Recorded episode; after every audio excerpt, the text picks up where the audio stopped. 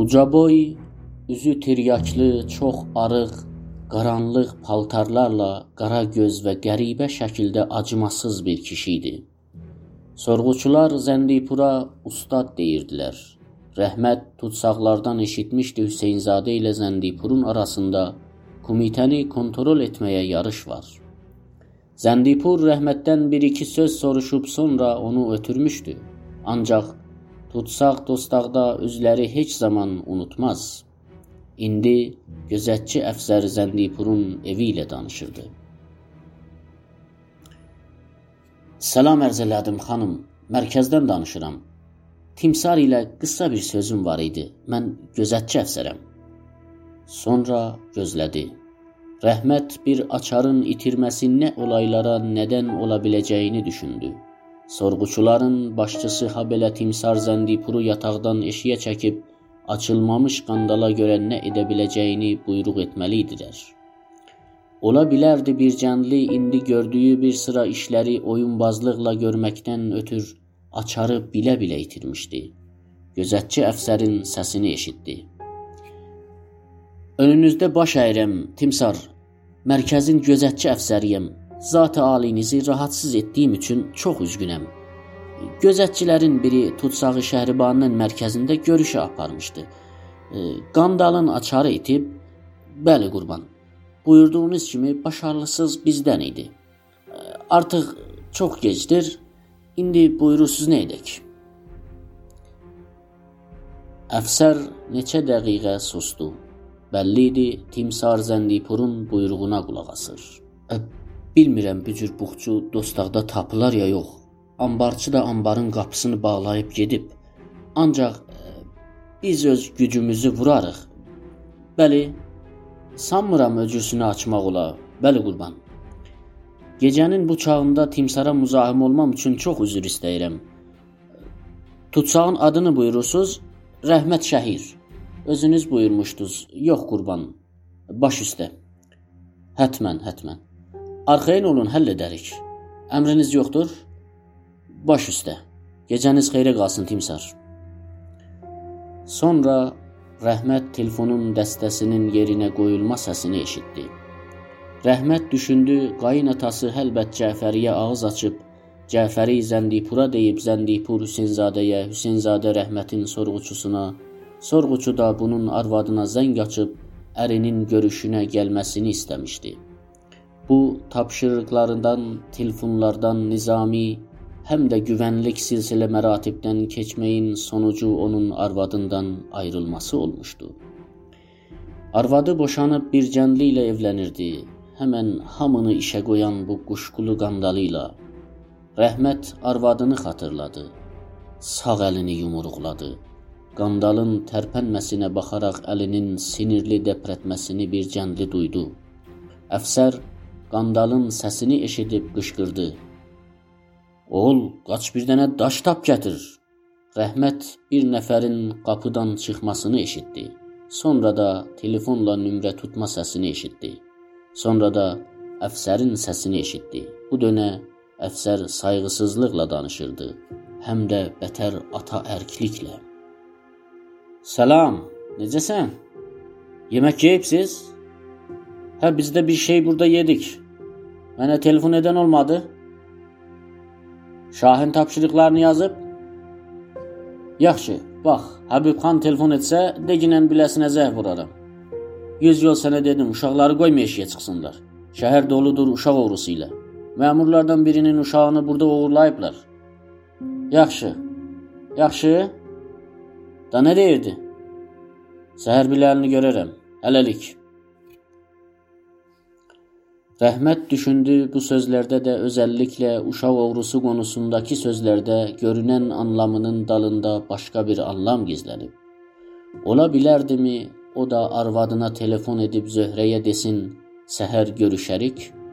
Onun bir seçimi üzündən arvadı bir üzücü xatirəyə dönmüşdü. Rəhmət düşündü, arvadı ilə heç bir zaman bu səs tonu ilə danışmazdı. Əfsər bir şeyləri arvadına buyruq etmişdi. Rəhmət ayrı bir səs tonu ilə danışardı. Səhər arvadını görmək istəyən biri nədən gərək onunla belə danışsın? Əfsər sanki qulluğunda olan biri ilə danışırdı. Biri içəri girdi. Elə bil daşı gətirmişdilər. Rəhmət duydu ayrıntıları göz örtüyü ilə göz örtüyü olmayan zamandan daha yaxşı görür. İndi göz örtüyü ilə sanki otağın bir iç ənginliyi vardı. Elə bil üzlər daha yaxın gəlib düz onun başının çevrəsində bir yerə yığılmışdılar. Göz örtüyü olmayan zaman hər zadı ayrıntısız görürdü. Otaqların bütün düzəni, adamları, həm də onların görünüşlərin hər şey öz yerində idi. Buna görə də bir düzgün kopi gerçək yaşamdan olan nəqqaşi kimin ölü idi. Amma göz örtüyü ilə adamlar ilə şeylər duyğusal, sevgisel həm də xiyali boyutlar tapırdılar. Danışan olan biri bir uzun, uca, canlı, ağzından böyük, hələ otaqdan da böyük dil çıxadırdı. Gedib daş gətirən adamın ilham verdiyi davranışları, rəhmətin göz örtüyü olmadan o davranışları anlamazdı. Əfsərin ayağa qalxıb yaxınlaşması həm də başqa adamların da ona yaxınlaşmasını duydu. İndi daşı vurub qandalın o yan bu yanındakı metal bağlılığı sındıraraq Bircənli ilə ortaq təcrübənin sonu bildiriləcək. Rəhmətlə Bircənlinin əlini açışqanın daş səkkisinin üstündə bir-birinin yanına qoydular. Rəhmət daşın hər an qandalın iki halqasının ortası yerinə düz onun barmaqlarının üstünə yenməsini duyub hər an daşın altında barmaqlarının sınmasını gözləyirdi. Daş dəmirin üstünə vuruldu. Sağ əlini çiyninin üstünədək titrədiyini duyub sonra bir cəndlinin "Cənab Sərvan, cənab Sərvan, dədəm yandı, dədəm yandı" dediyini eşitdi. Daşı dəmirin üstünə çırpan əfsərin özü olması bəlli ikən dedi: Dədənin yanması sorun deyil. Niyə qandalın açarını itiribsən? Yenidən daşı lap bətər dəmirə döydü. Rəhmət özünü qədərin əlinə tapşırmışdı. Həmən titrətməni duyurdu. Sonradan sandı bir cəndlini əlini çəkib o biri əli ilə tutdu.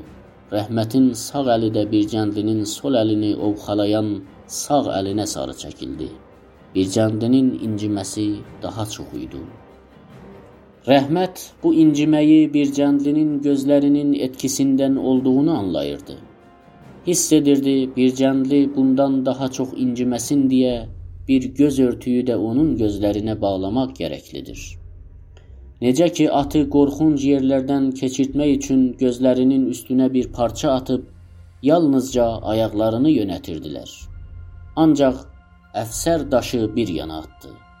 Rəhmət əfsərin umudsuz olduğunu duydu.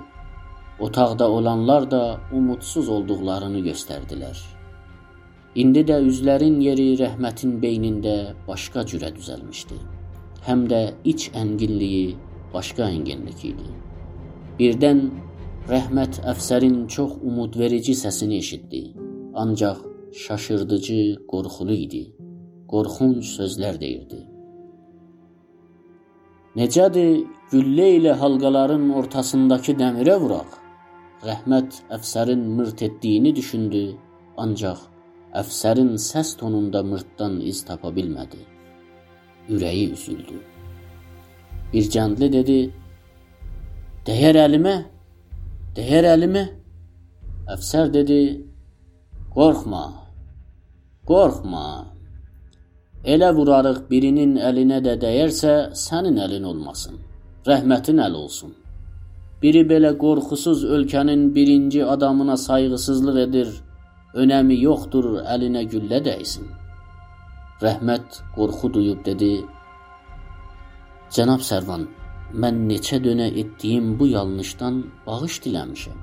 İndi də bir sinirlənməyin bədəlini ödəyirəm. Yenə də kəsinliklə daha yaxşı bir yol qandalın açmasına var. Bircəndli rəhmətin sözlərinə qatıldı. Kəsinliklə cənab Sərvan, düz deyir. Kəsin daha yaxşı yol var. Ancaq belə görünürdü, əfsər kimsənin sözünü dinləmir. Rəhmət əfsərin ayağa qalxıb onun qarşısında durduğunu duydu. Bir kəndli yalvararaq dedi: "Cənab Sərvan, bu işi görməyin. Siz Allah bu işi görməyin." Başqalarından səs-küy çıxmırdı. Sonra bir kəndlinin də səsi susdu. Rəhmət baş verilən olayları dözdüyü işgəncənin bir parçasıdır duydu.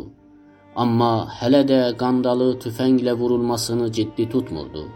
Kəsin göz örtüyü olmayan hər kəs ona sataşırdı.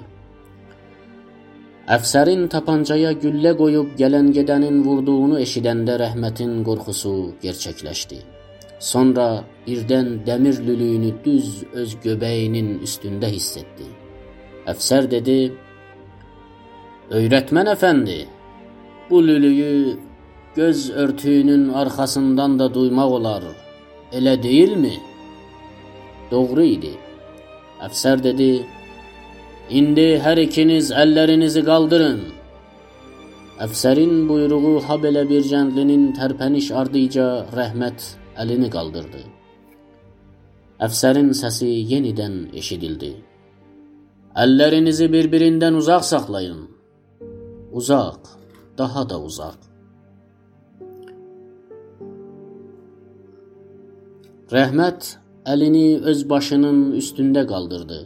Bir kəndli də əlini özünə sarı çəkdi.